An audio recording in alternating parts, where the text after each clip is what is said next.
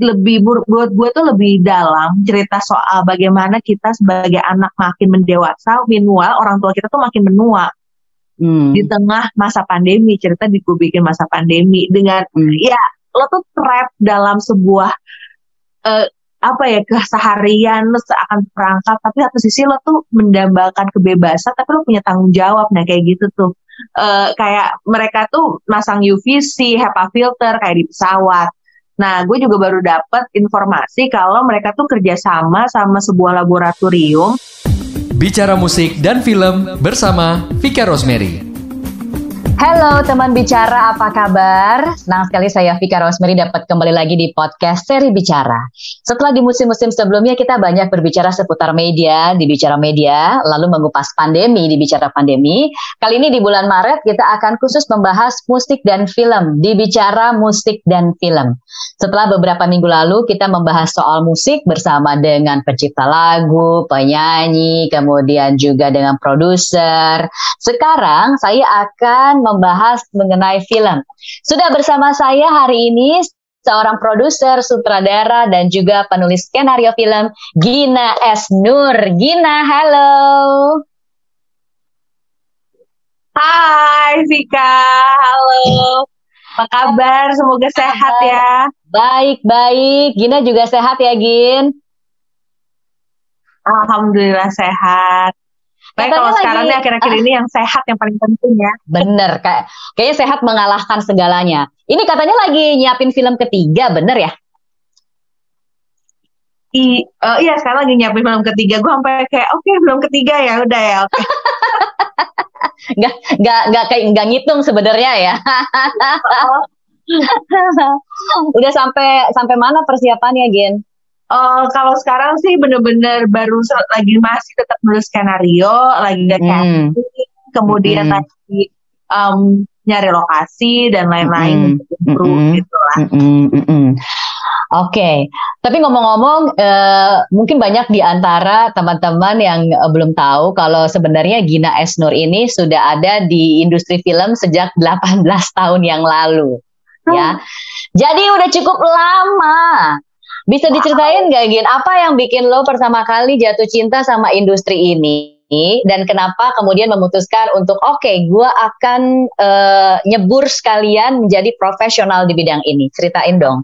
Uh, kurang dramatis ya. Jadi pada dasarnya gue tuh orangnya tuh bukan yang tipikal ambisius dengan penuh goals gitu. Uh-uh. Tapi gue tuh pokoknya go with the flow. Tapi once uh. go with the flow, ketika gue lagi ngerjain, gue harus optimal di situ. Gitu. Oke. Okay. Gue tuh suka banget film. Gue suka film hmm. tuh dari kecil, dari uh, umur 4 tahun gue yang udah amazed karena dibawa orang tua gue. Mereka nonton pacar ketinggalan kereta, tapi gue cuma ngeliatin kayak, wah apa ini bioskop ya gitu. Dan itu bener-bener pengalaman yang clear banget, masih gue inget rasa itu sampai sekarang. Terus kemudian um, waktu gue SD lagi zaman Hollywood masukkan dengan Jurassic Park, Home Alone dan lain-lain gitu. Nah sejak saat itu um, masuk SMP, SMA gue tuh makin suka banget nonton film. Sampai akhirnya sama Angga Sasongko, sama uh, sekitar empat orang lain gitu kita mulai bikin film pendek bikin film pendek, uh, gue jadi produser pada saat itu, terus kemudian ngumpulin uang, ya, minjem-minjem uh, alat gitu. Terus kemudian muterin film biar dapat duit lagi biar bisa bikin film lagi.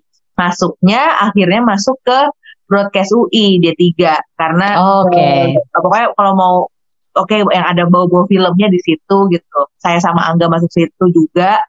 Nah habis itu tuh udah tuh kita karena dari kompetisi itu kita jadi kenalan sama kru film lainnya yang lebih senior kayak Hanu kayak uh, pada saat itu uh, kenalan doang sama suami saya gitu teman Aristo terus ada oh banyak banget deh ada dari situ tuh akhirnya mulai diajak kerja ikut kompetisi lagi dan akhirnya kok di teman-teman yang uh, kayak sahabat saya yang juga partner di Wahana Kreator Amelia Octavia, Fitri Mutmaina itu tuh juga lama-lama nyebur ke film gitu. Nah, mm -hmm. akhirnya ya udah mulai dari situ uh, beruntung banget di awal karir tuh sudah dapet film besar seperti uh, ayat-ayat cinta walaupun sebelumnya tuh udah mulai belajar untuk bikin sendiri dengan foto kotak dan jendela gitu saya tulis Angga Stradara uh, Aris produser gitu nah dari situ ya udah deh uh, masuklah ke film ayat-ayat cinta perempuan berkalung sorban ya udah dijalanin aja dengan segala kesuksesan dan kekecewaannya belajar terus di situ.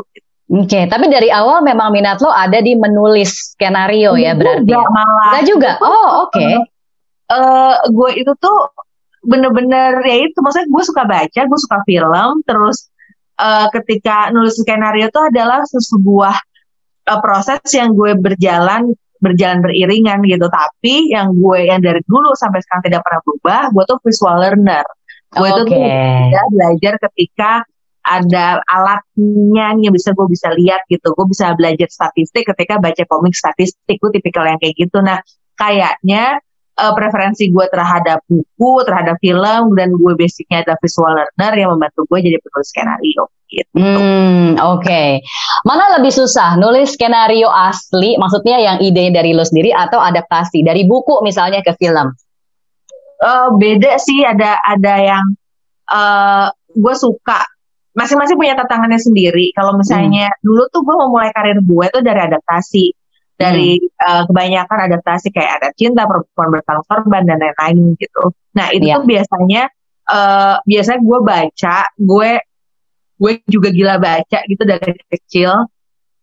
Nah pengalaman gue untuk jam terbang gue buat baca itu tuh uh, dan kebetulan gue jadi sarjana komunikasi, jadi kayak kayak burst gitu loh menyatulah dua keahlian ini plus filmmaking yang membuat gue membaca dan melihatnya hmm. kalau seandainya gue membuatnya jadi layar lebar akan seperti hmm. apa ya gitu. Hmm.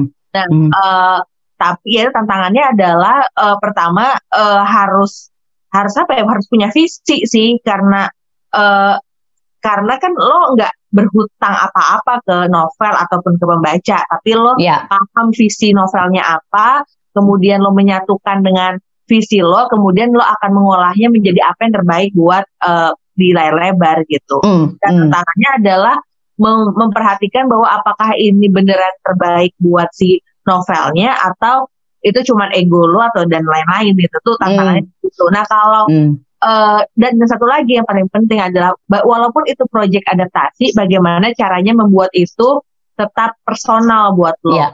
Ada ada hal yang lo tuh connect secara hati lo tuh dengan si karya tersebut jadi uh, itu gue nggak pernah kerja cuman karena uangnya doang gitu mm, nah, mm. terus kemudian si satu lagi ini ketika original ya adalah itu lebih menarik lagi karena menciptakan sesuatu gitu kalau ditanya sekarang gue lagi sukanya apa gue lagi suka banget bikin baru karena dari dulu kan gue adaptasi dulu bosan sekarang nih wah oh, gue banyak ide wah gue banyak banget ide mari dikeluarkan mari ditumpahkan gitu nah okay. banyak ide harus hati-hati juga mana yang menurut lo paling penting dan harus banget nih diceritakan sekarang dan lo minta orang mau percaya sama lo invest sama lo lo mimin ratusan kru untuk cerita yang yang penting banget buat lo gitu lah Oke, okay. tapi lu per, uh, pernah juga beberapa kali kan nulisnya tuh bareng ya, jadi tandem. Nah kalau nulis tandem tuh gimana sih prosesnya? Kayak misalnya lu nggak tahu nih yang uh, satu jam pertama yang nulis gitu, jam berikutnya ada nulis atau langsung dari awal berdua gitu.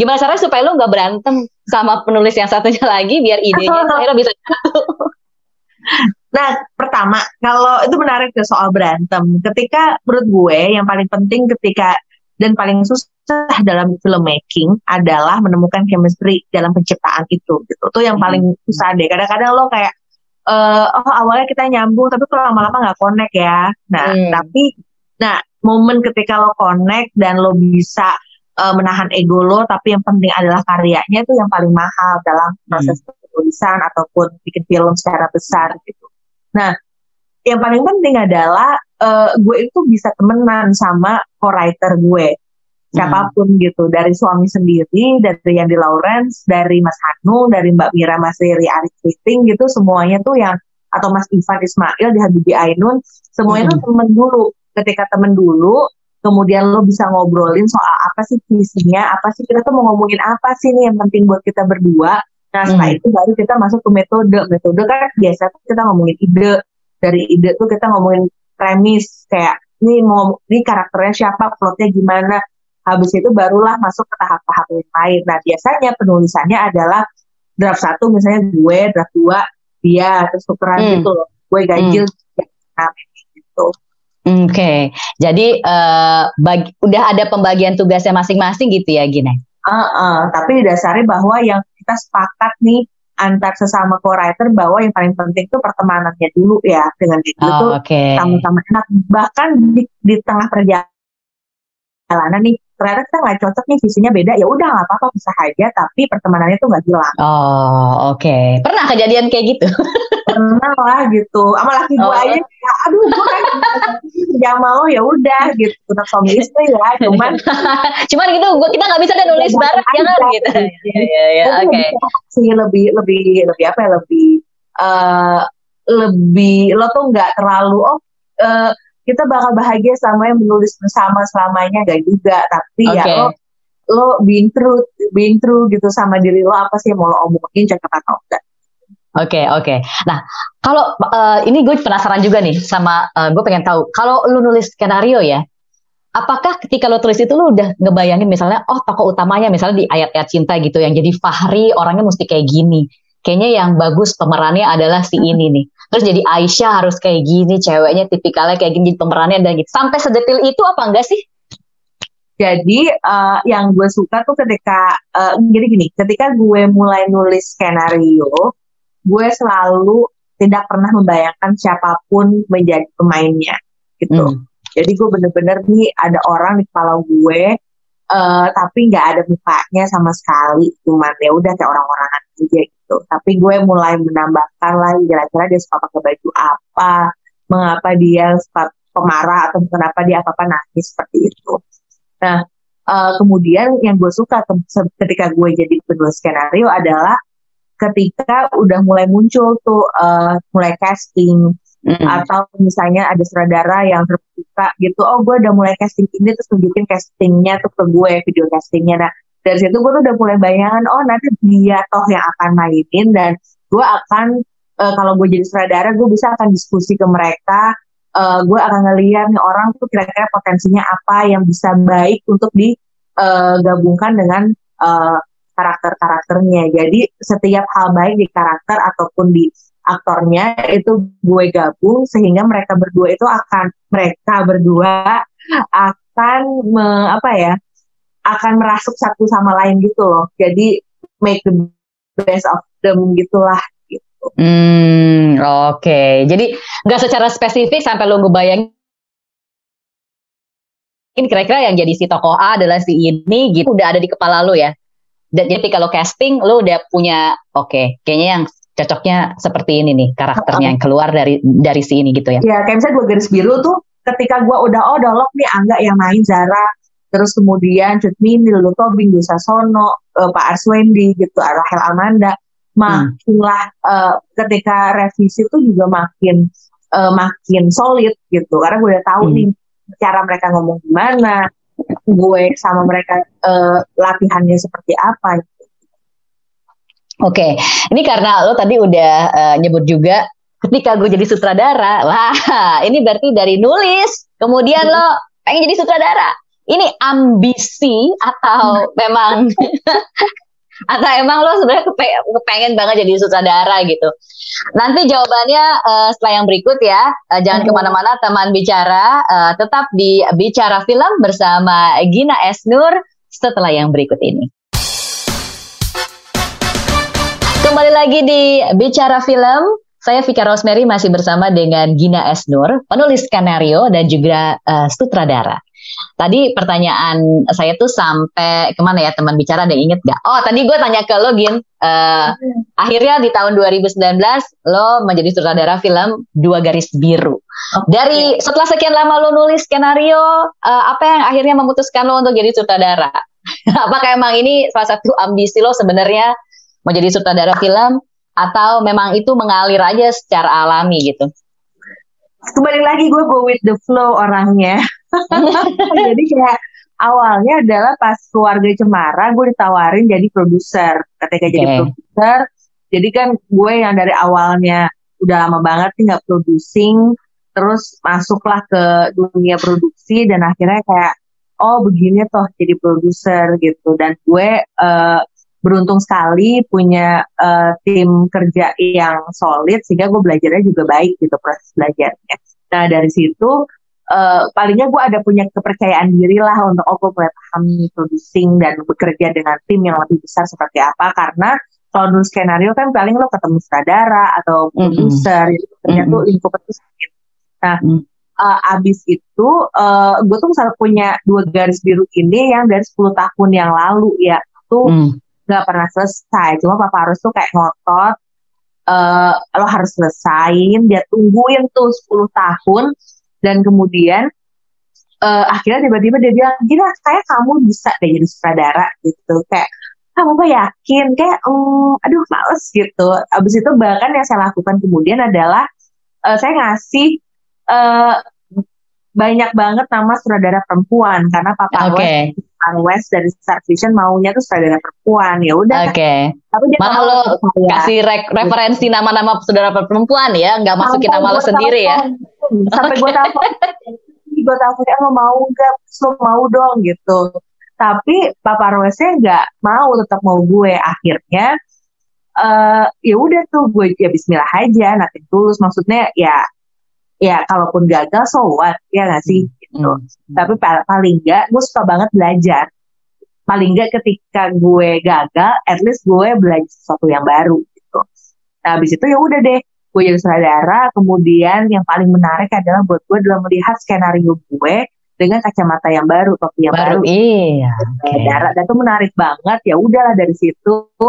Nah biasalah kalau di situ kalau gue kerja sesuatu gue harus all out. Nah di situlah mulai gue berusaha memeras semua ada diri gue. Ya udah jadilah dua garis biru. Eh suka. Akhirnya sekarang udah uh, film kedua lagi post pro cinta pertama kedua dan ketiga dengan tantangan yang lain lagi Eh, dengan nekatnya ini ada syuting pertama di masa pandemi gitu. Hmm, hmm. Habis itu baru ya ini nih uh, ada sekarang lagi film ketiga. Gitu. Hmm. Kayak bikin anak ya, Bo, nggak sadar. Itu tahu tuh ada tiga, gitu ya. Eh, tapi ngomong-ngomong soal film yang kedua tadi. Oke, okay, berarti uh, gue bisa simpulkan bahwa setelah dua garis biru, lo tuh uh, berarti semakin merasa tertantang untuk oke okay, jadi sutradara lagi nih gitu. Akhirnya muncullah film kedua gitu, cinta pertama, kedua dan ketiga. Tadi oh. lo bilang bahkan itu uh, syutingnya dilakukan di masa pandemi gitu. Di masa pandemi aja akhirnya lo kekeh buat oke okay, kita syuting. Jadi semangat lo tetap menyala meskipun lagi pandemi. nah, uh, apa yang apa yang membuat lo merasa apa ya merasa tertantang gitu untuk oke okay, film kedua gue harus uh, jadi juga gitu ya walaupun situasi tidak mendukung dan sekarang malah lo mempersiapkan film ketiga gitu gitu oke okay, jadi film kedua ini emang sebenarnya gue bikin tuh buat bokap gue bokap gue tuh udah udah mulai lupa ada Alzheimer gitu dan makin lama tuh makin lupa gue dan itu kayak love letter hmm. untuk bokap gue sebenarnya filmnya gitu Nah, uh, jadi gue tuh kayak punya apa ya? Punya deadline makin lama gue bikinnya, makin lupa bokap gue. Hmm. kayak kalau sekarang uh, gue sampai ketawa-tawa padahal sedih cuma gue gitu kalau makin sedih makin ketawa gitu. Nah, uh, tapi ya, ya kayak gitu sih dan, dan gue suka banget karena ketika gue ketemu sama orang-orang, uh, para kru terus main, terutama sahabat-sahabat gue slash partner gue di Wahana Kreator, Karus, Vision bersama tim di sana tuh dan beberapa kru yang juga udah pernah kerja di film sebelumnya tuh emang beli sama ceritanya. Nah, di tengah itu semua, di tengah semua kegugupan baru harus kerja sama-sama aktor senior, plus tapi juga ada ada aktor junior gitu. Mereka tuh beda banget stylenya gitu. Eh pandemi. Nah, ketika pandemi, uh, gue tuh percaya banget science lo hmm. gue tuh percaya lo tuh eh, nggak uh, boleh takut tapi lo harus waspada selama lo tuh punya basic saintifiknya gitu. Justru ketika lo mengakui masalah yang ada, lo melihat dengan uh, saintifik, lo mungkin ketemu jalan keluarnya. Karena yeah. pada dasarnya manusia harus terus bergerak, harus bikin yeah. karya dan lain-lain gitu. Dan gue juga riset uh, wah zaman dulu pas zaman uh, Spanish flu gitu di awal uh, 1900 gitu tuh ya tetap aja Hollywood tuh bergerak gitu mm. dan bikin film bagus. Nah dengan semangat itu didukung sama teman-teman kru, sahabat, partner, produser dan lain-lain. Uh, ya udah mari kita pelajari apa ini COVID-19 uh, kita uh, apa kita kenalan sama dokter sama dokter Pandu Riono gitu untuk gimana sih caranya kita belajar dari uh, apa namanya negara-negara uh, lain juga gitu. Nah terutama gue tuh beruntung banget kayak punya produser Papa Arwes. Uh, kebetulan gue juga produser. Nah dari sana tuh Papa Arwes yang bilang kalau uh, kak yang ngasih semangat bahwa kita harus coba terus syuting gitu. Terus kemudian di partner gue yang paling dekat tuh co-producer di sini Amelia Octavia bahkan sebelum orang uh, peduli sama COVID-19 dia udah ngikutin tuh di beritanya gitu dari zaman hmm. peduli. Nah, jadi ketika kita memulai itu ya kita udah punya kesadaran bahwa oke, okay, ini petanya, kita tahu ada namanya corona bubble, uh, kemudian kita tahu ada sistem tracing gitu dengan swab test antigen yang dulu masih mahal banget. Tapi yeah. yuk mari kita coba gitu. Ada penaik ada kenaikan sekitar 30 persen uh, dalam biaya produksi. Produksi. Tapi uh, tapi uh, satu sisi lain ya uh, itu harus dihadapin ya. Gitu. Kalau ditanya apakah visi visual gue kepegang semua, tentu saja tidak. Mm. Filmnya juga sepi karena gue nggak berani banyak ekstra. Tapi paling nggak uh, gue bisa bikin sesuatu yang tetap bisa gue banggakan. Mungkin itu nggak sempurna, tapi uh, mungkin juga gue nggak puas yang 100% tapi gue itu tuh bangga sekali dengan hasilnya gue bangga dengan solid timnya jadi nggak uh, bener-bener nggak ada yang kena covid selama pandemi uh, bisa bikin SOP yang baik yang bisa dikasih ke uh, dikasih ke kru yang lain apa kru film yang lain film yang lain mm -hmm. uh, terus kemudian dari situ juga itu pertama kalinya di uh, produksi itu ada uh, infografis anti pelecehan seksual sama bullying gitu. Oh, okay. dan lain-lain. Jadi anti pelecehan karena pelecehan seksual kan ada di mana-mana ya. Paling nggak we set some good standards lah with, with this movie gitu. Dan gue explore keahlian yang lain gue belajar banyak hal itu yang harus disyukurin sih. Dan tetap sehat ya akhir tuh alhamdulillah banget. Dan makanya gue nggak sabar banget film ini bisa tayang di bioskop dinikmati sama semua orang. Walaupun bokap hmm. gue ternyata nggak boleh nonton di bioskop karena ada lewat umurnya. Oke. Lu nggak ada uh, lu nggak ada rencana buat bikin ini jadi digital ya Maksudnya emang lu emang lu harus buat di bioskop. Di bioskop gitu. Oh, oke. Okay. Rasanya beda dan maksudnya ada berapa momen visual yang akan lebih berasa di bioskop menurut gue gitu sih. Ini tuh film yang uh, lebih buat gue tuh lebih dalam cerita soal bagaimana kita sebagai anak makin mendewasa, meanwhile orang tua kita tuh makin menua. Hmm. Di tengah masa pandemi, cerita di gue bikin masa pandemi dengan hmm. ya lo tuh trap dalam sebuah uh, apa ya keseharian lo seakan perangkap tapi satu sisi lo tuh mendambakan kebebasan tapi lo punya tanggung jawab nah kayak gitu tuh hmm. itu filmnya dan gue akan rasa gue merasa gitu film ini akan lebih uh, nikmat gitu untuk ditontonnya ketika ditonton bersama-sama di bioskop. bioskop. Iya sih, emang nonton di bioskop itu nggak tergantikan sih. Gue terus iya. terang udah setahun ini nggak nonton di bioskop sejak awal pandemi sampai sekarang dan gue kangen banget pengen ke bioskop sebenarnya pengen nonton. Iya. Uh, da, men, uh, dari pandangan lo ya uh, dan teman-teman juga yang di, ada di industri film seberapa besarnya sebenarnya dampak pandemi ini terhadap industri film kita gitu. Gede banget gitu.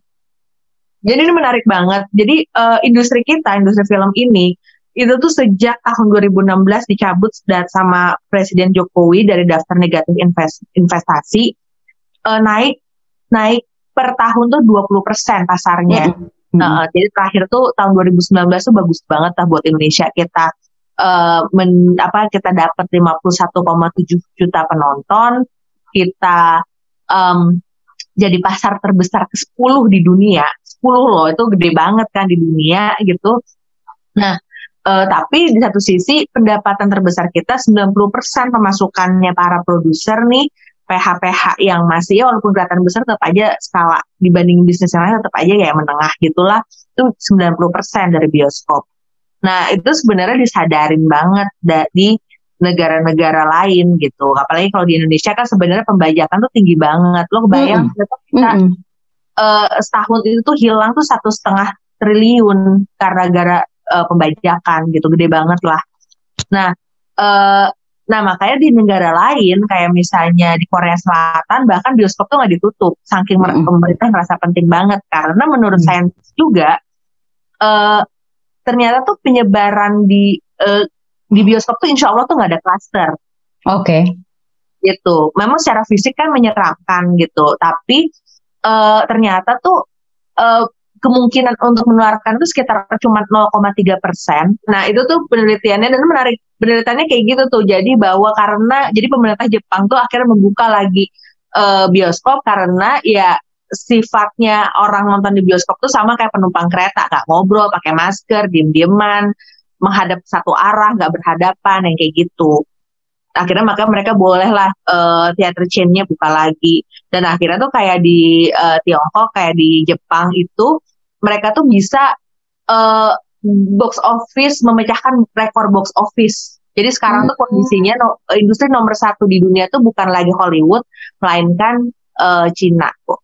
Gitu. Oh oke, okay. karena gitu. orang tetap pergi ke bioskop, mereka tetap nonton. Justru cari iya. hiburannya di masa pandemi oh, ini dengan nonton ke bioskop ya. Betul, uh, uh, karena ternyata gue juga baru tahu nih gara-gara gue pelajarin soal bioskop ini kan. Terus ya kemarin ada surat terbuka untuk presiden, akhirnya jadi lebih sering ngobrol lah sama filmmaker lain, sama pihak hmm. eksibitor yaitu hmm. si bioskop ini kayak sebelum emang dari sebelum pandemi itu bahkan uh, emang kewajiban di dalam bioskop untuk punya sirkulasi udara yang bisa memasukkan 10 sampai 15 persen uh, udara segar ke dalam ruangan bioskop yang pertama. Oh. Terus ternyata mereka juga nambah tuh uh, kayak 21 tuh gue nggak di endorse ya gue karena gue tuh gue kayak gitu kan orang gue tuh berusaha untuk scientific mungkin biar gue clear juga ngambil keputusan untuk nonton di bioskop gitu uh, kayak mereka tuh masang UVC HEPA filter kayak di pesawat Nah, gue juga baru dapat informasi kalau mereka tuh kerjasama sama sebuah laboratorium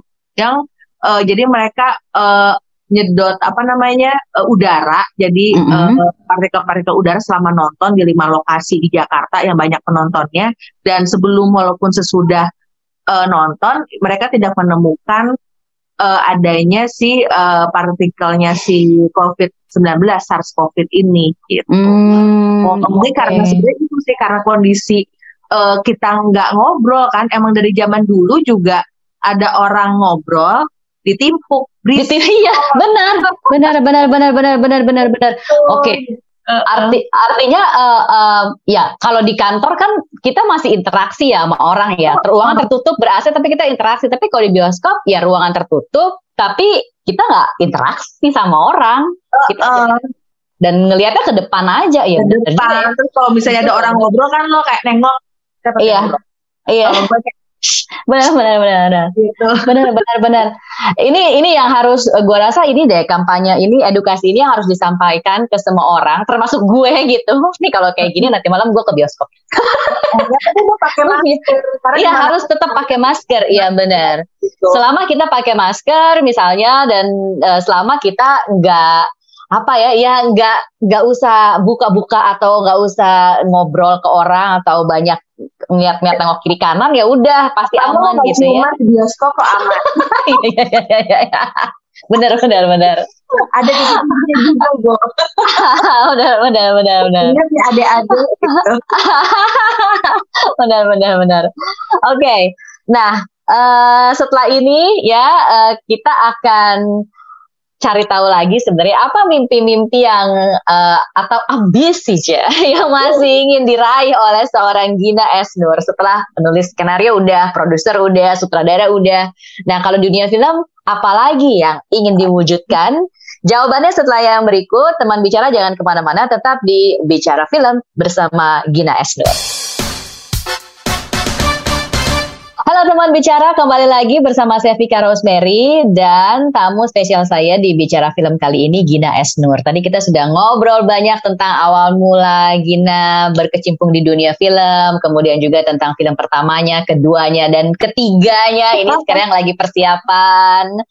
Uh, eh, gue penasaran, biasanya tuh uh, ada inspirasi uh, dari seseorang gitu yang yang membuat lo juga semangat dalam berkarya. Kalau lo sendiri siapa? Orang yang jadi idola atau inspirasi lah ketika lo ber, uh, membuat karya. Uh, banyak sih ya.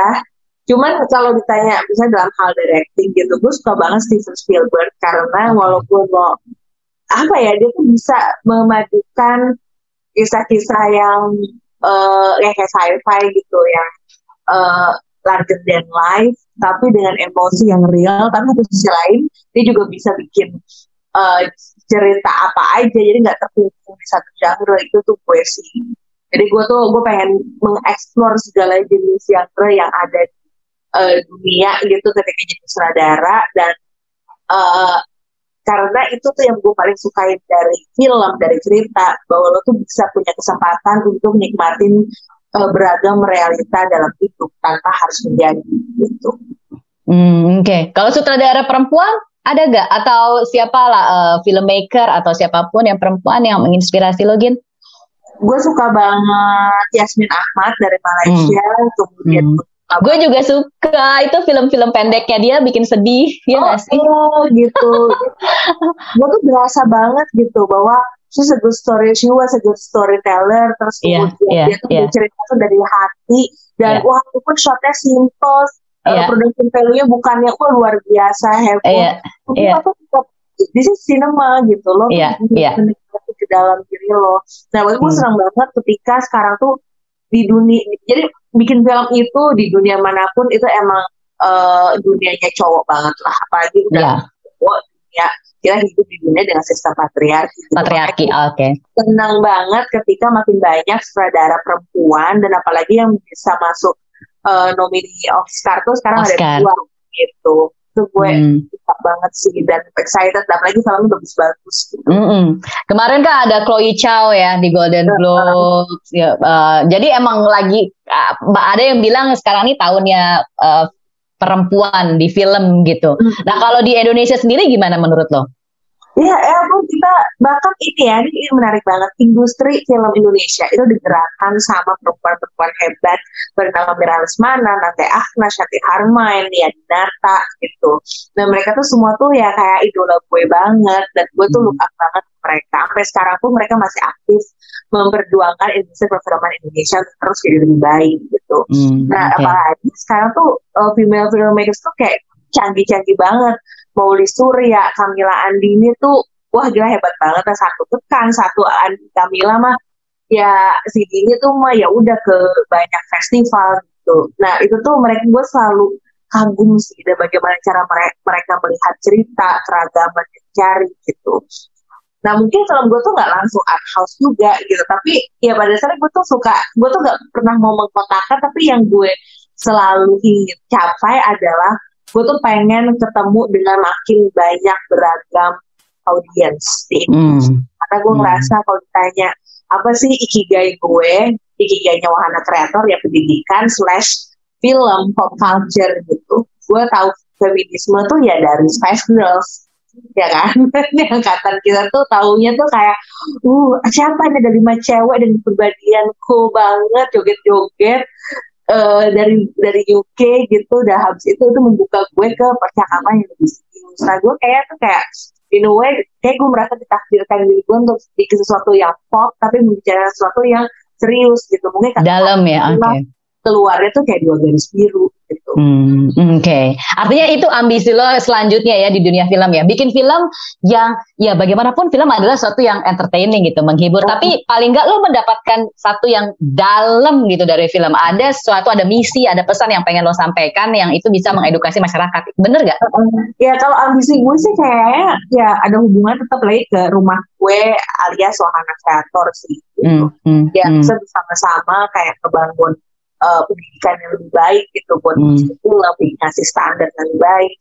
Uh, in a way gue ngerasa bikin film nggak bagus baik itu sesuatu yang lebih mungkin dikejar dibandingin kalau saat ini adalah ngebangun sistem yang terus menerus lebih baik karena PR ini di sini lebih banyak banget. Nah mungkin hmm. lebih banyak ambisi gue adalah ngomongnya yang lebih sistemik di perfilman Indonesia gitu. Gue percaya hmm kalau lo mau jadi Korea lo tuh harus bergerak bersama-sama secara sistemik gitu.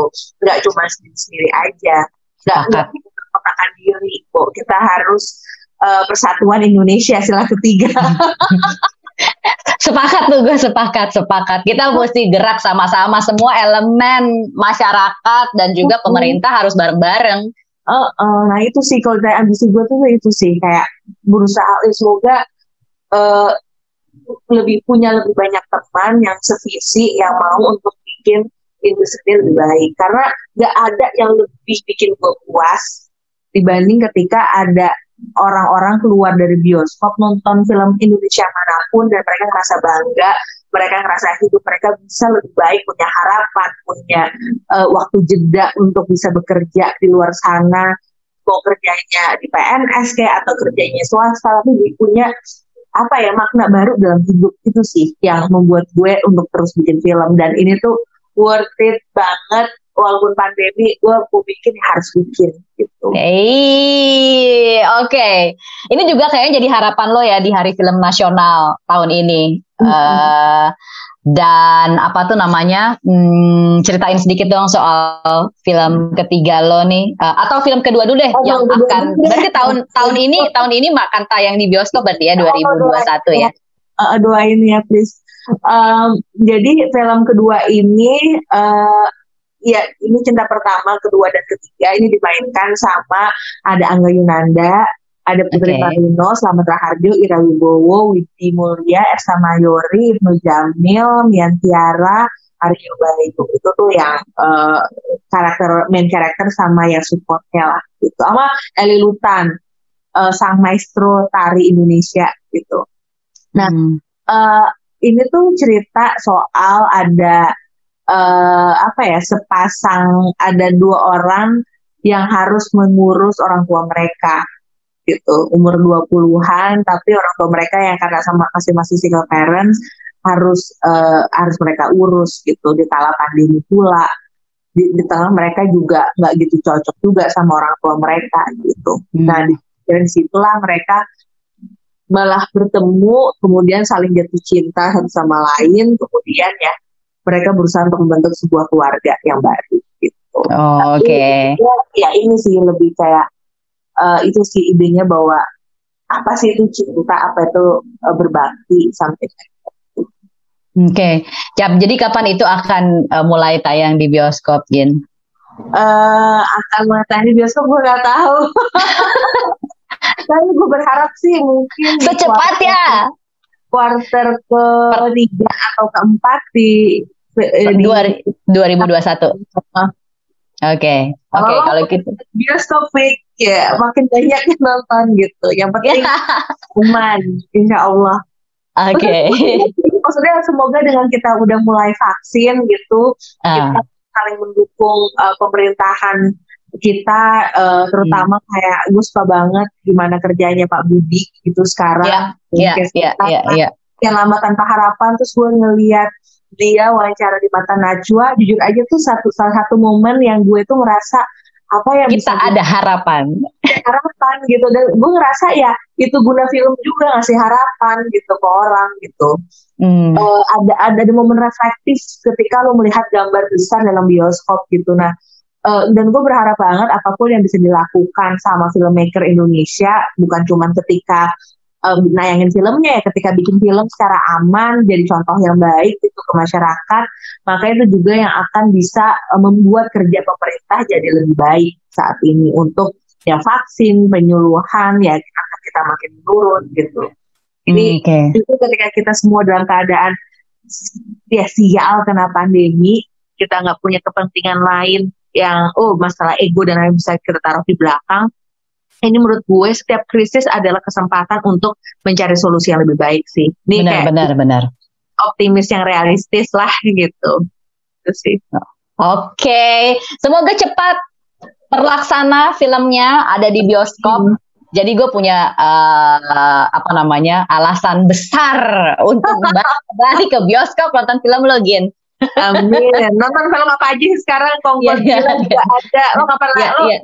Iya, halus gak sih nonton Kong sama Godzilla di layar HP gitu? Iya, uh, mata gue udah sakit banget tuh nonton Netflix oh, iya. di layar handphone sama di laptop. Minus gue nambah. Lu minus gak? Gue minus gue nambah banget ya gara banyakkan lihat layar. Iya makanya sama minus gue nambah plus gue nambah payah lah pokoknya parah nih setahun terakhir nih gara-gara pandemi. gini, gini, ini ini nih pertanyaan banyak orang. Lu suka disangka anak yang Mbak Yaya gak sih? Karena Iya, nama belakang lo mirip. Tapi lo gak ada hubungannya kan sebenarnya? Gak ada gue ini saudara se-cinema. Oke. Gue banget kayak oh ini an- eh, anaknya Arifin Senur ya. yang- Senur ya atau ya ya Senur. Heeh. Terus gue bilang oh beda kalau dia kan C saya S dia cinema pakai C saya cinema Sini, oke S. Oke.